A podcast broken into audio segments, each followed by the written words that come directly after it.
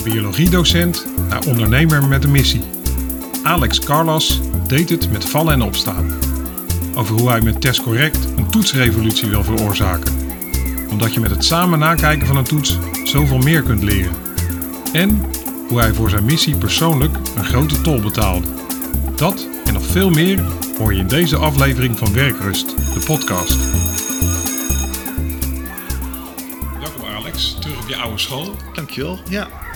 Je hebt uh, zojuist een uh, training gegeven, Test Correct. Het uh, bedrijf wat je ooit begonnen bent, daar wil ik het straks over hebben. Maar ik wil eerst even aan je vragen, ehm, waarom heb je ooit voor het onderwijs gekozen? dat is eigenlijk een persoonlijke weg. Ehm, ik was net klaar met de HAVO op de middelbare school. En ik wilde eigenlijk de filmacademie gaan doen of iets in theater. Uh, en bij de filmacademie liet ze al duidelijk merken... je hebt eerst tien jaar ervaring nodig in de filmwereld... voordat je mee mag doen uh, in de opleiding. Ik dacht, nou, dan ga ik uh, eerst een echt vak leren... waar ik zeker wel weten mee aan de bak kan komen... en daarna de kunstwereld in van het filmen. en zo ben ik de leraaropleiding ingegaan... en dan meteen voor biologie en geschiedenis gekozen... omdat dat gewoon de fijne vakken waren... En gedurende mijn stages kreeg ik eigenlijk het onderwijsvirus te pakken. En had ik zoveel plezier uh, in het, uh, vooral het voorbereiden van een leuke les, maar ook het contact met leerlingen, dat ik eigenlijk alles vergat en volledig dook in het wereldje van wat, wat onderwijs heet. Wanneer ben jij met lesgeven begonnen? Weet je dat nog?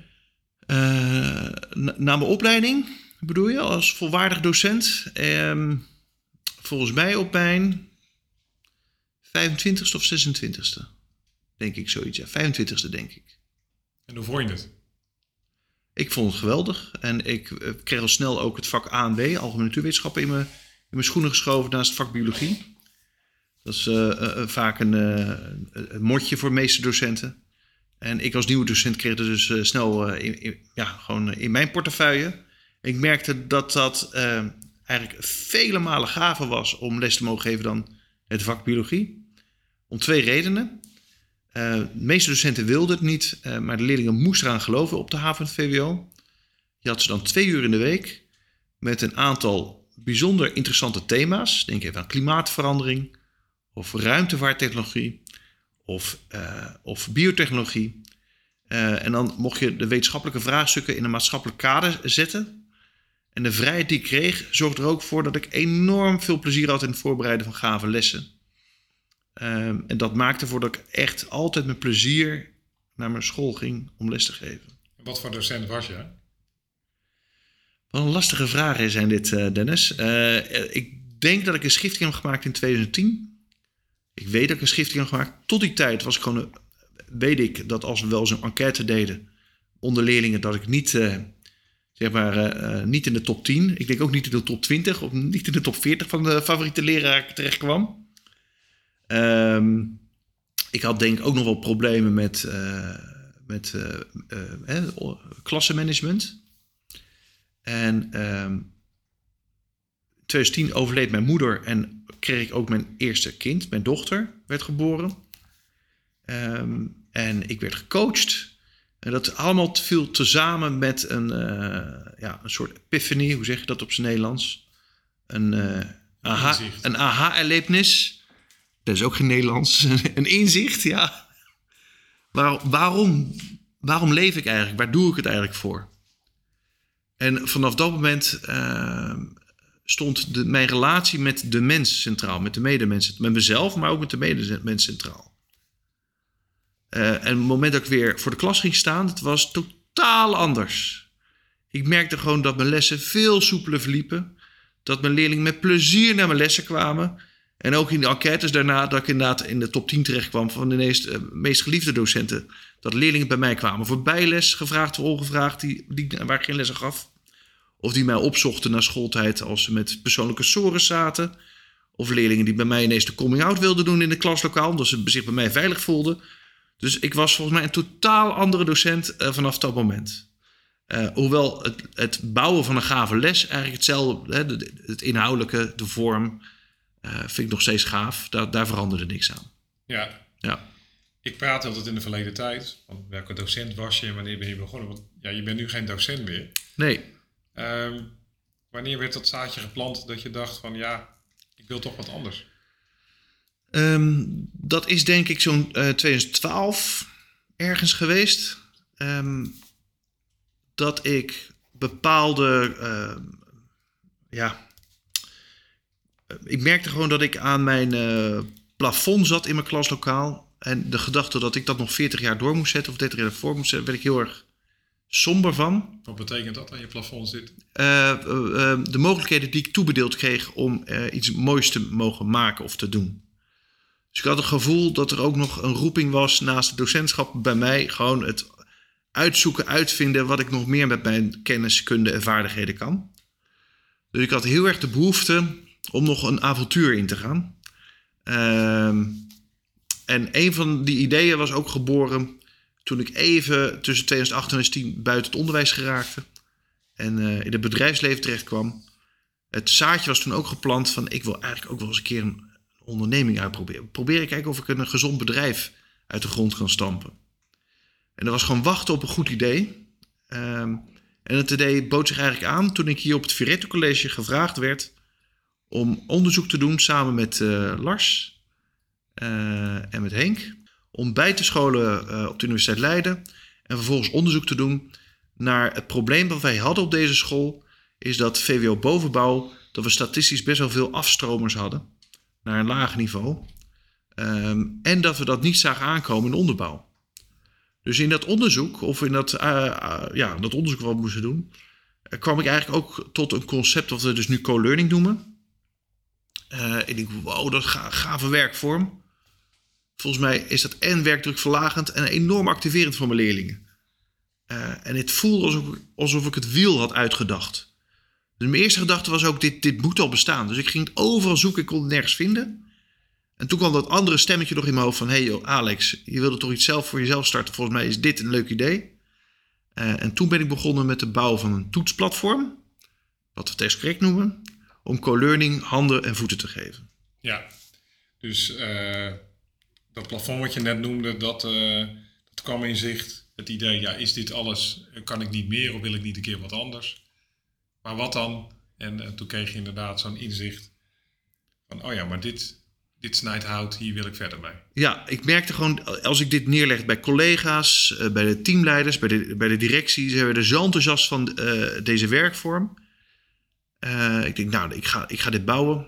Eh, ik, ik mag niet zeggen dat ik eh, technisch goed onderlegd ben, maar ik snap het wel allemaal. Dus ik wist ook welke, wat er nodig was technisch om het voor elkaar te krijgen. Dus ik heb eigenlijk mijn skillset die ik buiten mijn lesgeven om als onderwijzer ook had gebouwd, kunnen toepassen in het bouwen van zo'n applicatie. Eh, in, het, in het bouwen, in elkaar zetten van een gaaf team van programmeurs en onderwijskundigen en eh, andere mensen die eh, nodig zijn om zo'n bedrijf op te zetten. Dat hele avontuur. En dat inderdaad het ondernemerschap mogen uitproberen. Ja, en toen ben je in 2012 een, een bedrijfje begonnen, of in ieder geval met een idee. Nee, het idee is dus in 2013 eh, eh, ontstaan in dat onderzoek dat ik deed voor het Fioretti College. En toen is de toenmalige rector nog naar me toe gegaan van Alex, wil je dat bouwen voor ons? Dit klinkt zo goed, dat willen we eigenlijk wel hebben. Ehm, toen heb ik gezegd, nou, maar wil ik ook wel commitment van eh, onze school als eerste deelnemende school. Toen kwam weer de wedervraag eh, van, dan willen we eerst een goed plan hebben. Je- nou, toen heb ik een hele zomervakantie opgeofferd om eigenlijk een, eh, een, een, een project vanuit uit te werken en de kosten uit te rekenen. Heb ik dat ehm, eh, gepresenteerd aan de toenmalige directie. En die gaven aan, we gaan erover nadenken. En nog een uur later kwamen ze aan me toe van... we willen dat je nog even met je collega Hans gaat praten hierover. Die moet hier wat van vinden. En even voor de luisteraars, Hans is collega economie die eigenlijk al een succesvol ondernemer is naast het lesgeven. Dus die is precies andersom. Die ging na het- naast het, succesvol ondernemen denk ik, nou, ik ga er ook wel uurtjes lesgeven naast zetten. Volbloed ondernemer. Ja, de volbloed ondernemer. Dus ik wist al eh, meteen waarom eh, onze rector dat wilde. En dat klopt ook, want Hans stelde nul vragen over de werkvorm. Wat mij natuurlijk enorm pijn deed. Ik dacht, hallo, ik heb iets gaafs. En die stelde alleen maar vragen over, heb je daaraan gedacht? Hoe ga je de financiering regelen? Hoe ziet de marketing dan uit elkaar, eh, eruit? Hoe ga je dat dan regelen? Hoe doe je dit dan? En na een half uur door dat proces heen van ondervragen, zei hij: Ik ga groen licht geven. Ik ga het advies geven dat ze het moeten doen. Ehm, en de grap was ook dat Hans ook dermate enthousiast was geworden. eh, dat hij een volgende eh, gesprek inplande om het, om het concept van co-learning en test te horen. En toen zei hij: Ja, maar Alex, dit is zo gaaf. Ik wil hier ook gewoon aan meedoen. En toen eh, zijn we eigenlijk samen, vanaf dag één samen op, opgetrokken. Ja.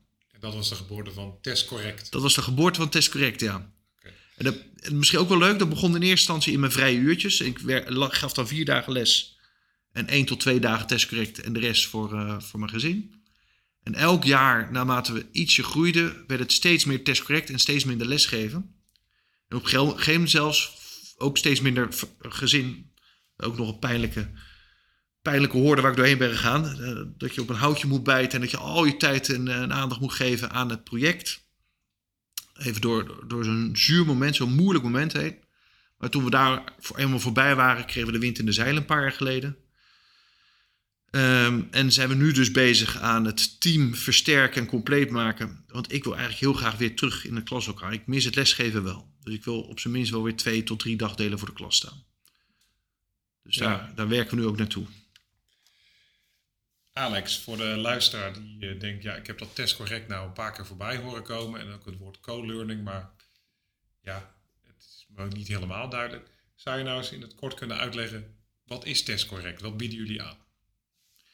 Ehm, ik denk dat het best te benoemen is. eh, het is een, een digitaal toetsingsplatform. eh, waar interactief lesgeven in mogelijk wordt. Dus ehm, stel je een toetsplatform voor. Nou, dat is niet zo spannend. Vervolgens zeggen wij, dan willen wij ook meteen de beste zijn. Eh, dus ik durf te zeggen, wij hebben een van de betere toetsingsplatformen die er überhaupt bestaat. eh, ook buiten landsgrenzen. De grap is alleen dat we heel duidelijk als doel hebben gesteld dat cijfers geen doel moet, moeten, niet het doel moet zijn en toetsen ook niet als doel, maar als middel moet dienen. Dus je kan het prima summatief inzetten en er is ook voldoende scholen die vooral heel enthousiast voor schoolexamens inzetten. Summatief is voor een cijfer. Ja, summatief voor een cijfer eh, en formatief zet je vooral op het leerproces en eh, op de terugkoppeling van waar staat mijn klas, wat is de verstandige vervolgstap voor mij als docent.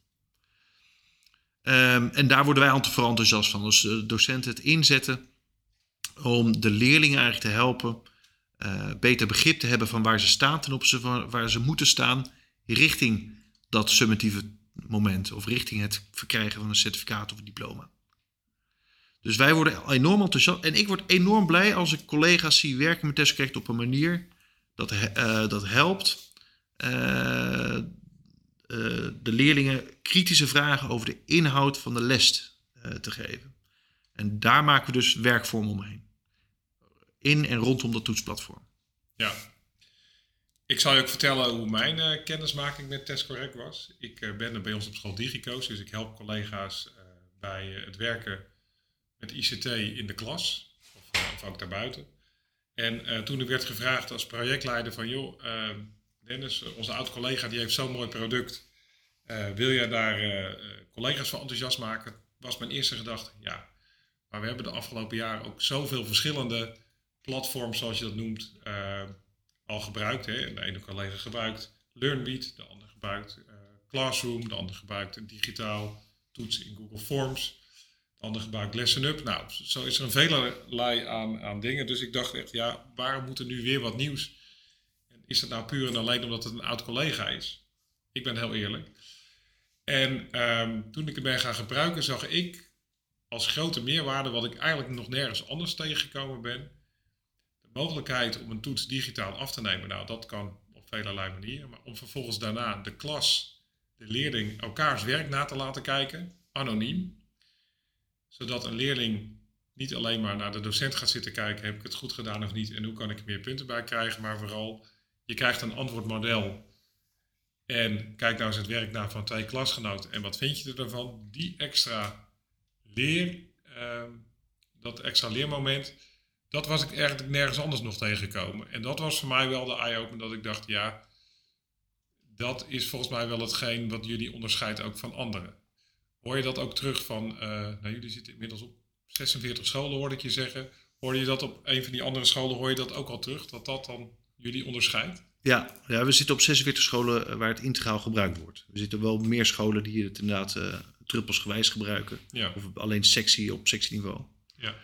Uh, maar dat is inderdaad uh, voor, de, voor het gros van de gebruikers is vooral enthousiast over die werkvorm. Inderdaad met elkaar, de leerlingen elkaars werk geanalyseerd beoordelen of van feedback te voorzien. En daar de werkvorm die daaruit kan, kan uh, ontsluiten. En dat noemen we ook co-learning geloof ik. Dat noemen wij co-learning, ja. ja. Um, en dat heb je dus nu zelf ook gemerkt. Het is een prima systeem uh, om toetsen in te construeren. Uh, of analyses op terug te krijgen. en het is denk ik ook heel interactief voor leerlingen en voor docenten. maar de charme zit hem eigenlijk in dat wat iets meer verstopt zit. En wat eigenlijk niet in een platform zit, maar in het, de juiste inzet van het platform. Dus als je met een groep leerlingen deze activiteit ontsluit met co-learning. Wat er dan gebeurt in de klas, uh, daar doen we het eigenlijk voor. Ja, nou dat kan aan de ene kant dus ook een nieuw uh, leeractiviteit zijn in de klas. Aan de andere kant, dit blog heet Werkrust. Uh, dat zou je ook werkrust kunnen opleveren, want de klas kijkt elkaars werk na anoniem. En uh, je kunt als docent daarna dan nog een keertje overheen om te zien, hebben ze het ook goed gedaan. Je kunt zelfs nog op een niveautje hoger kijken uh, of een kind ook wel goed is in het nakijken van andermans toets. Want ja, daarmee kun je ook achterhalen of iemand het heeft begrepen of niet. Maar nou, dat zou zeker ook werk kunnen schelen, ook wat dat betreft, hè, als kinderen elkaars werk nakijken.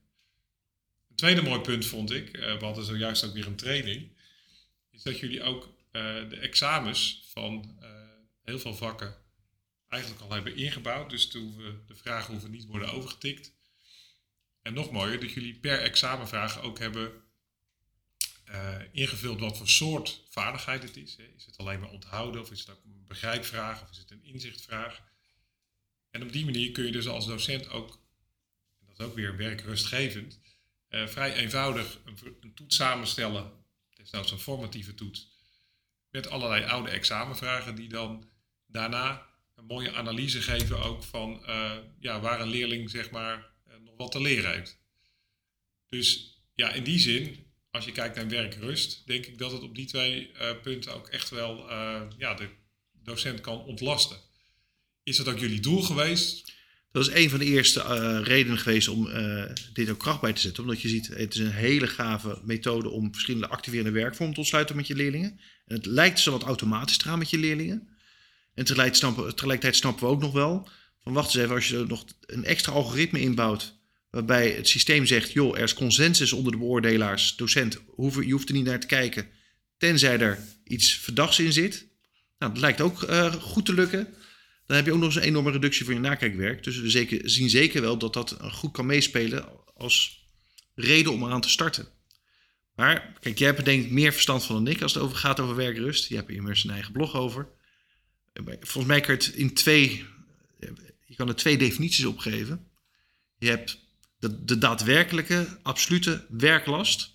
Maar je hebt ook de beleving van je werklast. En volgens mij zijn er twee verschillende dingen. En volgens mij in het onderwijs, als je niet goed jezelf kan managen of coachen over je beleving, dan ga je altijd op aan een burn-out. Want er is, dat, dat is tegelijkertijd de, de, het drama van het onderwijs. Het is nooit af. En er is altijd werk aan de winkel. En er zijn altijd brandjes om te blussen. En jij moet als docent altijd laveren. Oké, welk brandje ga ik als eerst blussen? Want daar gaan we het Er zijn altijd dingen die belangrijk zijn. Um, en het is ook nog werken met mensen. Het zijn ook nog leerlingen die soms in een hele benarde thuissituatie zitten. Dat neem je ook nog eens mee. En dan heb je ook nog het curriculum wat je doorheen moet eh, jassen. Want je hebt het centraal examen en bepaalde statistieken waar je school aan wil voldoen. Dus je, je directie zit ook nog op je schouders mee te kijken. Nou, dus dat vergt denk ik ook wel een aantal vaardigheden om dat gevoel van, uh, van werklast te besnappen. Hey, dit is relatief. En uh, helaas komen er sommige mensen pas achter bij een burn-out dat de wereld ook doordraait zonder hun. Dus, maar het is heel belangrijk om te begrijpen, jongens, wij hebben een hele belangrijke rol maar zet jezelf op de eerste plek. En als je dat weet en jezelf ook afvraagt waarom vind ik onderwijs eigenlijk leuk, zijn naar mijn idee ook de dingen waar het voor doet, is nieuwe dingen uitproberen of het nog beter doen voor de leerlingen. Dat zit ook in de harten en in het beleven van de meeste docenten. Die willen het nog beter doen voor die leerlingen. Als je voor jezelf de ruimte schept van ik ga het beter doen dan vorige week. En als je dat gewoon past in je werk, dat hoort gewoon bij je werk, beter doen. En dat niet uh, belet of niet, niet in de weg gaat zitten van je werkdruk. Dus dat moet geen werkdruk als werkdruk aanvoelen. Dan durf ik te zeggen, als je dat hebt eigen gemaakt van hey, innoveren en nieuwe dingen en een beter mens zijn of een betere docent zijn ten opzichte van vorige week, verg nu eenmaal af en toe door een zure appel of af en toe even die berg opklimmen om er makkelijker vanaf te glijden. Ga ik even terug naar test correct. Prima, die werkdrukvermindering gaat er echt enorm zijn als je gaat om minder nakijkwerk bij de summatieve toetsen. Je ziet, als je de co-learning op een goede manier inzet, zie je het rendement in bij je klasse en leerling zie je omhoog gaan. Echt aanzienlijk, significant.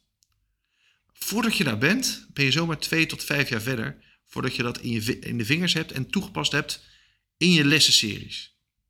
Ja, het is geen wondermiddel, wil je zeggen. Nee, dus het vergt investering en het vergt ook gewoon buiten je comfortzone zitten uh, om dingen te doen die. Uh, met formatief handelen is eigenlijk hetzelfde.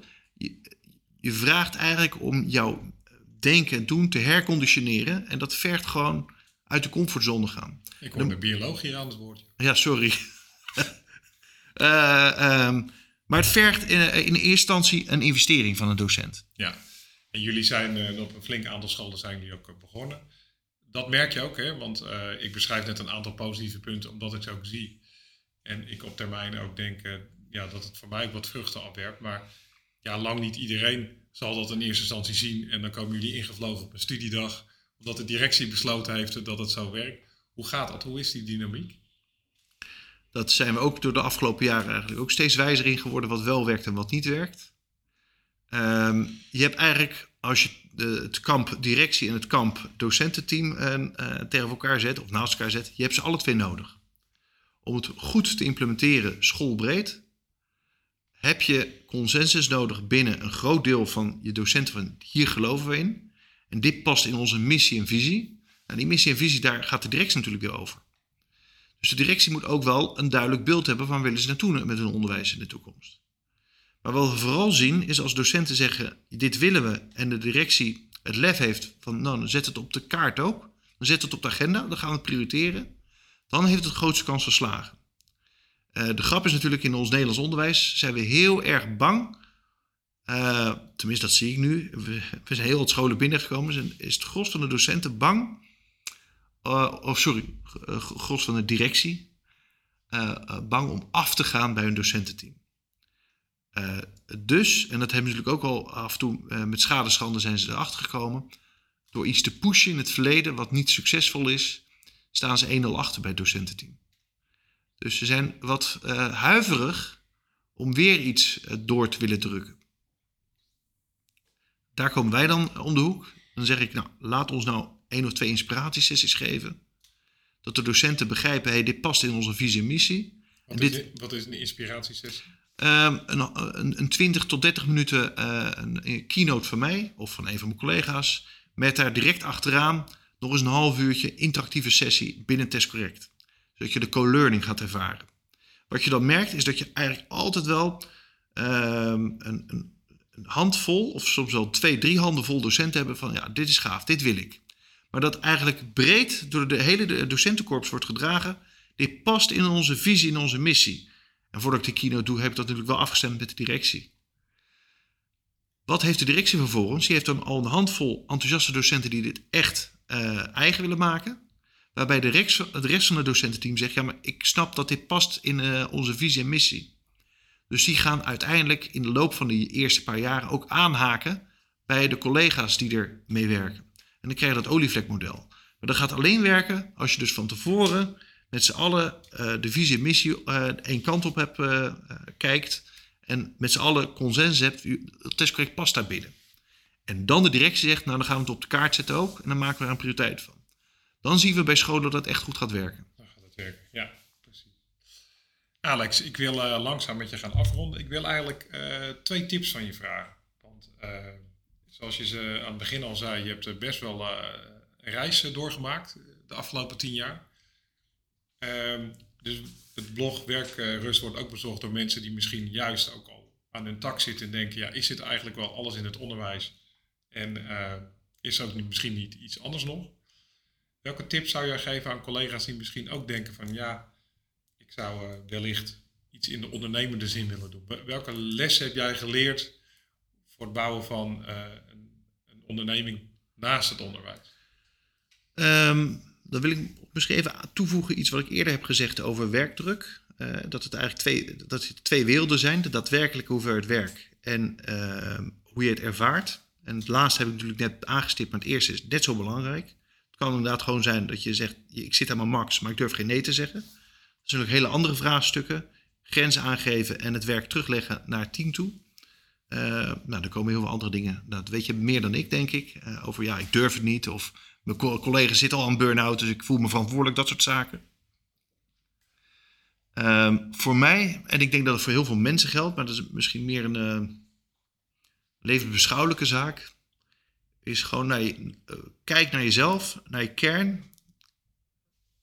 Probeer te formuleren wie ben ik eigenlijk en wat, wat wil ik zijn. Um, en wat maakt mij gelukkig, wat geeft mij energie. Zet dat nou eens gewoon op, uh, voor jezelf in. Maak dat, daar een beeld van. Dan de tweede plek, waar ben je goed in? En waar zit ik nu? En dan kijken, is daar een overlap of kan ik misschien iets beter gaan zoeken buiten onderwijs of een extra activiteit buiten het onderwijs of binnen het onderwijs uh, een andere rol gaan aannemen dat mij beter past of naast lesgeven. Uh, maar vind vooral uh, zaken waar je gelukkig van wordt en waar de omgeving daardoor gelukkig wordt. Uh, ik denk dat dat het belangrijkste is, als ik, als ik een tip mag geven. Zeker mooi. Nee, die vroeg ik je ook. En als jij eenmaal die sprong waagt als, als ondernemer, heb je daar nog. Ja, dan specifiek als ondernemer moet je wel heel sterk in je schoenen staan. Ehm, want dat is een avontuur. Um, en je kan gewoon veilig gaan ondernemen door gewoon een activiteit naast je lesgeven doen. Maar als je zegt, ja, maar ik heb hier iets wat, waar ik echt in geloof wat eventueel offers van mij verwacht wordt, dan moet je wel klaar voor staan. Want er moeten offers geleverd worden. Dus uh, uiteindelijk ben ik ook gewoon het onderwijs uitgegaan. Om een voorbeeld te nemen. Nou, dat was, deed ik ook niet makkelijk. Uh, ik heb een aantal jaren lang ver onder het minimuminkomen geleefd. Ik ben zelfs eventjes dakloos geweest. omdat de relatie op de klippen liep. Omdat ik de onderneming op de eerste plek zette. en ik wens dat niemand toe. Uh, maar als je voor de keuze staat, is dat heel zwaar. Uh, maar als je echt gelooft, moet je soms offers brengen om er te komen. Was het het waard? Um, ik denk het wel. En de vraag die ik mezelf heb gesteld, iedere keer als ik voor de moeilijke keuze stond, denkend: wat als ik op een sterfbed zit, uh, lig en mijn kleinzoon gaat vragen, of mijn kleindochter gaat vragen, waar heb je spijt van? En dan te zeggen, ik had zo'n gaaf idee en ik had tractie en ik durfde het niet. Ik ben de veilige route gaan bewandelen. Dat heeft voor mij iedere keer gezegd, uh, is de reden geweest dat ik het wel deed. En soms tegen beter weten in, of soms tegen alle verstandige uh, ideeën of logica in, ben ik toch die kant ingegaan. Um, en ik heb mezelf ook gezegd, stel dat het dus niks was geworden. Dus stel dat het twee jaar geleden dat het doek viel. Um, dan had ik er nog steeds, denk ik, als winnaar uitgelopen. Omdat ik denk, ja, dit is weer een avontuur. En ik kan in ieder geval zeggen, ik heb het geprobeerd. En ik heb er heel veel van geleerd. En daar pakt niemand mee af. Mooi, Alex. Nou, en dan de laatste vraag. Ik ga niet helemaal naar je sterfbed toe. Dat uh, is een beetje te ver. Maar laten we eens uh, tien ik jaar hoop het wel. Laten we eens over tien jaar verder kijken. Waar, uh, waar staat Test Correct dan? Uh, over tien jaar, dat is wel heel ver weg. Maar ik denk dat uh, Test Correct de komende vijf jaar uh, een, een vaststaand gegeven gaat worden in het Nederlands onderwijs. Er zijn nu wat bewegingen in digitaal toetsingsplatformen. En we zien dat wij eigenlijk met ons platform... waarschijnlijk met nog één of twee andere platformen als volwassen platformen overblijven... die dus bijvoorbeeld centraal examens kunnen gaan dragen in de toekomst. Ik zie dat wij bijvoorbeeld dit soort summatieve toetsmomenten uh, zullen ondersteunen. Dat dus het ministerie dat uitbesteedt aan partijen als de onze. Uh, ik zie ook dat wij over de landsgrenzen zijn gegaan. En dat gebeurt nu al spelende wijs binnen België En Scandinavië zijn wat scholen die spelenderwijs uh, nu een beetje aan het uitproberen zijn. Ehm, ik denk dat wij inmiddels dan ehm, vooral zitten op een intelligente toetsmatrijs die snapt wat jij als docent nodig hebt om een valide, betrouwbare toets in elkaar te zetten. En dus jouw adviezen gaat geven. Ik weet ook dat wij inmiddels dan gaan zitten in, aan de leerlingenkant als oefeningen uh, van, joh, jij wilt verder oefenen omdat je daar wil gaan. Uh, uh, daar sta je en daar moet je naartoe. Op leerdoel, op complexiteit of op vaardigheden. Dat systeem ook met de, waarschijnlijk met de behulp van zijn docenten en coaches opdrachten klaarzet. Om daar ook weer zelfs meer zelfstandigheid in te krijgen. onder de bezielende begeleiding van de docent. Want ik denk dat die nooit wegbecijferd kan worden om heel veel redenen. Dat is misschien een andere discussie. Um, dat denk ik. En uh, Alas Carlos zelf, staat hij dan uh, voor de klas over dat tien denk jaar? Ik, ik denk uh... inderdaad dat ik voor de klas sta. En daar is de bel. Ik wou net zeggen, een mooie einde kan bijna niet. Met, Misschien moeten we even herhalen dan. Maar dit is inderdaad de bel van, het, van het lesuur. Maar waar ik sta, ik denk dat ik weer voor de klas sta. Of dat fulltime zou zijn, dat betwijfel ik. En ik heb nog wat andere dromen die ik wil najagen. die meer op, op ecologisch gebied zitten. Dus dat zijn misschien ook zaken die ik zou willen najagen. Naast altijd weer voor de klas staan, want dat mis ik wel. Dankjewel Alex. Goed dat je weer even terug was op het oude nest. Ja, dankjewel. Jij ook bedankt Dennis.